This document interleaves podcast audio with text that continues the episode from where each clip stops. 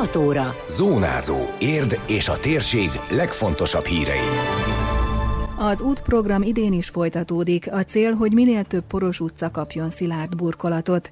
Növénycsereberével zöldülhet érd, a virtuális akciót a közösségi oldalon indították civilek. Kiesés a Magyar Kupából, voltak hiányzók és a karantén sem jött jól, de a vendégek jobban küzdöttek, az érdi vezetőedző szerint. Ez a Zónázó, az Érdefem 1013 hírmagazinja. A térség legfontosabb hírei Szabó Beátától. Hamarosan végeznek az útprogram első részével. Tavaly a munkákat az időjárás miatt nem tudták befejezni, de újra folyik az aszfaltozás több utcában, és várhatóan két héten belül elkészülnek, nyilatkozta Somogyi Tamás, az EKF-i ügyvezetője. Tavaly évben 23 utca karbantartását kezdtük meg, időjárásra való tekintettel ebből 5 maradt erre az évbe. Ennek az 5 utcával kapcsolatos munkálatok jelenleg is folyamatban vannak, nagyságrendileg kettő héten belül fogjuk befejezni, és fog megtörténni a műszaki átadásuk. A korábban már létrejött teherbírásra, teherhordásra alkalmas felületre 10 cm martaszfalt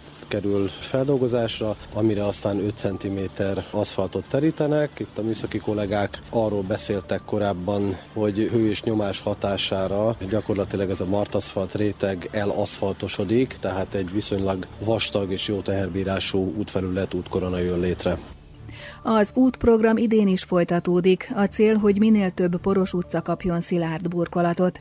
Ezen kívül járdafelújításokat is terveznek, térköves megoldásban gondolkodnak, de ezt a műszaki szakemberek és a pénzügyi lehetőségek határozzák majd meg, ismertette Somogyi Tamás. A polgármester úrnak kifejezett szándéka az, hogy érden a nagyon rossz állapotú úthálózatot valamilyen módon fejlesz-e, javítsa, megszüntesse a porzást, megszüntesse azokat az anomáliákat, amiket a jelenlegi úthálózat miatt a lakosságnak el kell szenvednie. Jelenleg ez tervezési szakaszban van. Most mérjük fel azokat a lehetőségeket, hogy mely utcák jöhetnek esetleg szóba, milyen forrás tud erre a polgármesteri hivatal fordítani, ezt hogyan, milyen konstrukcióban fogjuk megépíteni, számtalan elképzelés ötlet van. A végén nyilván a megfelelő szakértők össze fognak ülni egy asztalnál, és egy optimális döntést fognak én azt gondolom hozni. Járda felújításon ugyanazt tudom elmondani, mint az útépítéssel kapcsolatban a szándék megvan, mind az intézmény, mind a városvezetés részéről. Keressük azokat az utcákat és a hozzátartozó forrásokat, ahol idén beruházást tudunk eszközölni.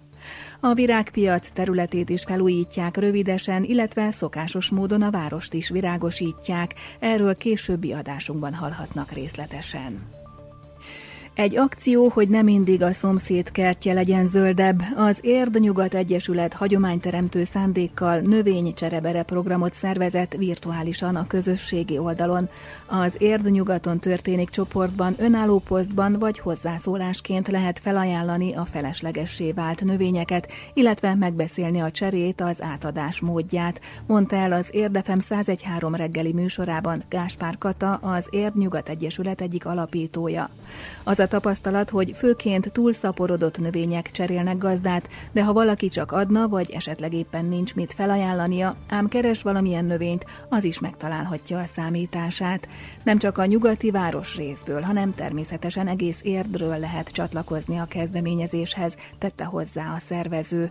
Az akció május 10-éig tart. Rengeteg olyan kertbarát van, akinek tényleg gyönyörű szép kertje van, és bizonyos dolgok túlszaporodnak benne, és és örömmel odaadja a túlszaporulatot, hiszen hát kidobni ezt mindenki sajnálná.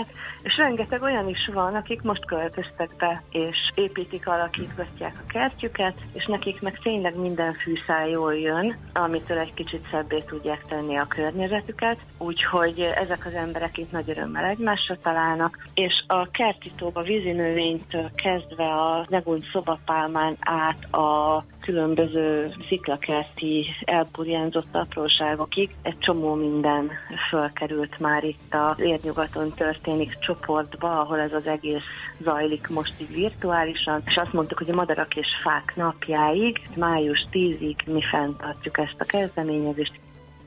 A csereberélők tanácsokat is adnak egymásnak, például, hogy hová ültessék, hogyan gondozzák az adott növényt. Az akció lényege, hogy nagyon sok kertet be tudnak így zöldíteni. Gáspár Kata azt mondja, alapvetően az ajándékozást, illetve a cserét támogatják, ám előfordult már, hogy nem volt cserélni valója valakinek, és ezért valamilyen meglepetést, édességet adott cserébe. Hangsúlyozta, azt kérik, hogy a növény csereberénél is mindenki tartsa be az egészségügyi óvintézkedéseket. Alapvetően az ajándékozást, illetve a cserét támogatjuk, de volt olyan, hogy valaki, akinek tényleg tök új a kertje, tehát egy parlak puszta, az nagyon sok mindent elvitt valaki mástól, és nyilván vitt neki ajándékot, mert hiszen az illető nem pénzért akarta ezeket, csak valaki vigye már el, mégse kidobni kelljen azt, amit ő kiszed. Tehát ilyen szinten biztosan van, hogyha valaki nem cserél, hanem csak kap, akkor azért szokott legalább egy táblacsokit vinni. Ebben nem tiltjuk azt, hogyha valaki valamiért egy értékesebb dologért pénzt kér, de azt szorgalmazzuk, hogy ez inkább ne a pénzről szóljon.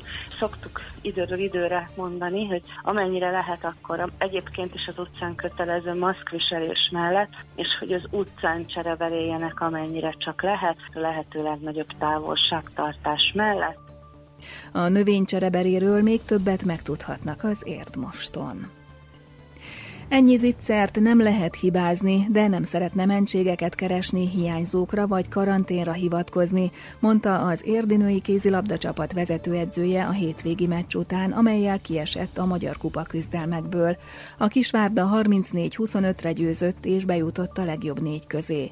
Az Érd arénában tartott zárt kapus mérkőzést Horváth Roland úgy értékelte, hogy a vendégek jobban küzdöttek ha megadok esélyt játékosoknak, attól függetlenül most képességek ide vagy oda próbálja meg azért a maximumot kihozni magából. Ez azért ma elmaradt jó pár játékosunknál. Most elkezdhetném mondani, hogy karanténban voltunk tíz napig, elkezdhetném mondani, hogy ennyi nap azért Kisvárda ellen nem tudunk úgy fölkészülni, vagy hiányzik a dóra, vagy valami. Ilyenekbe bele lehetne. Összességében ennyi zicert nem lehet egy mérkőzéssel hibázni, saját magunkat húzzuk le a mélybe ilyenkor. Nem akarom a lányokat se, megmondom őszintén annyira ostorozni, meg nem akarom őket bántani, nagyon-nagyon nehéz 50 nap napot lenni tényleg karanténban, ilyenek, ez nagyon-nagyon nehéz dolog így folyamatosan visszaállni a mérkőzésekbe. Újra össze kell építeni, össze kell kovácsolni, össze kell rakni újra a bajnokságra azokra a mérkőzések nyilvánvaló, amiben nekünk, nekünk esélyünk van győzni. Ez a cél, ott minél jobb helyezést elérni.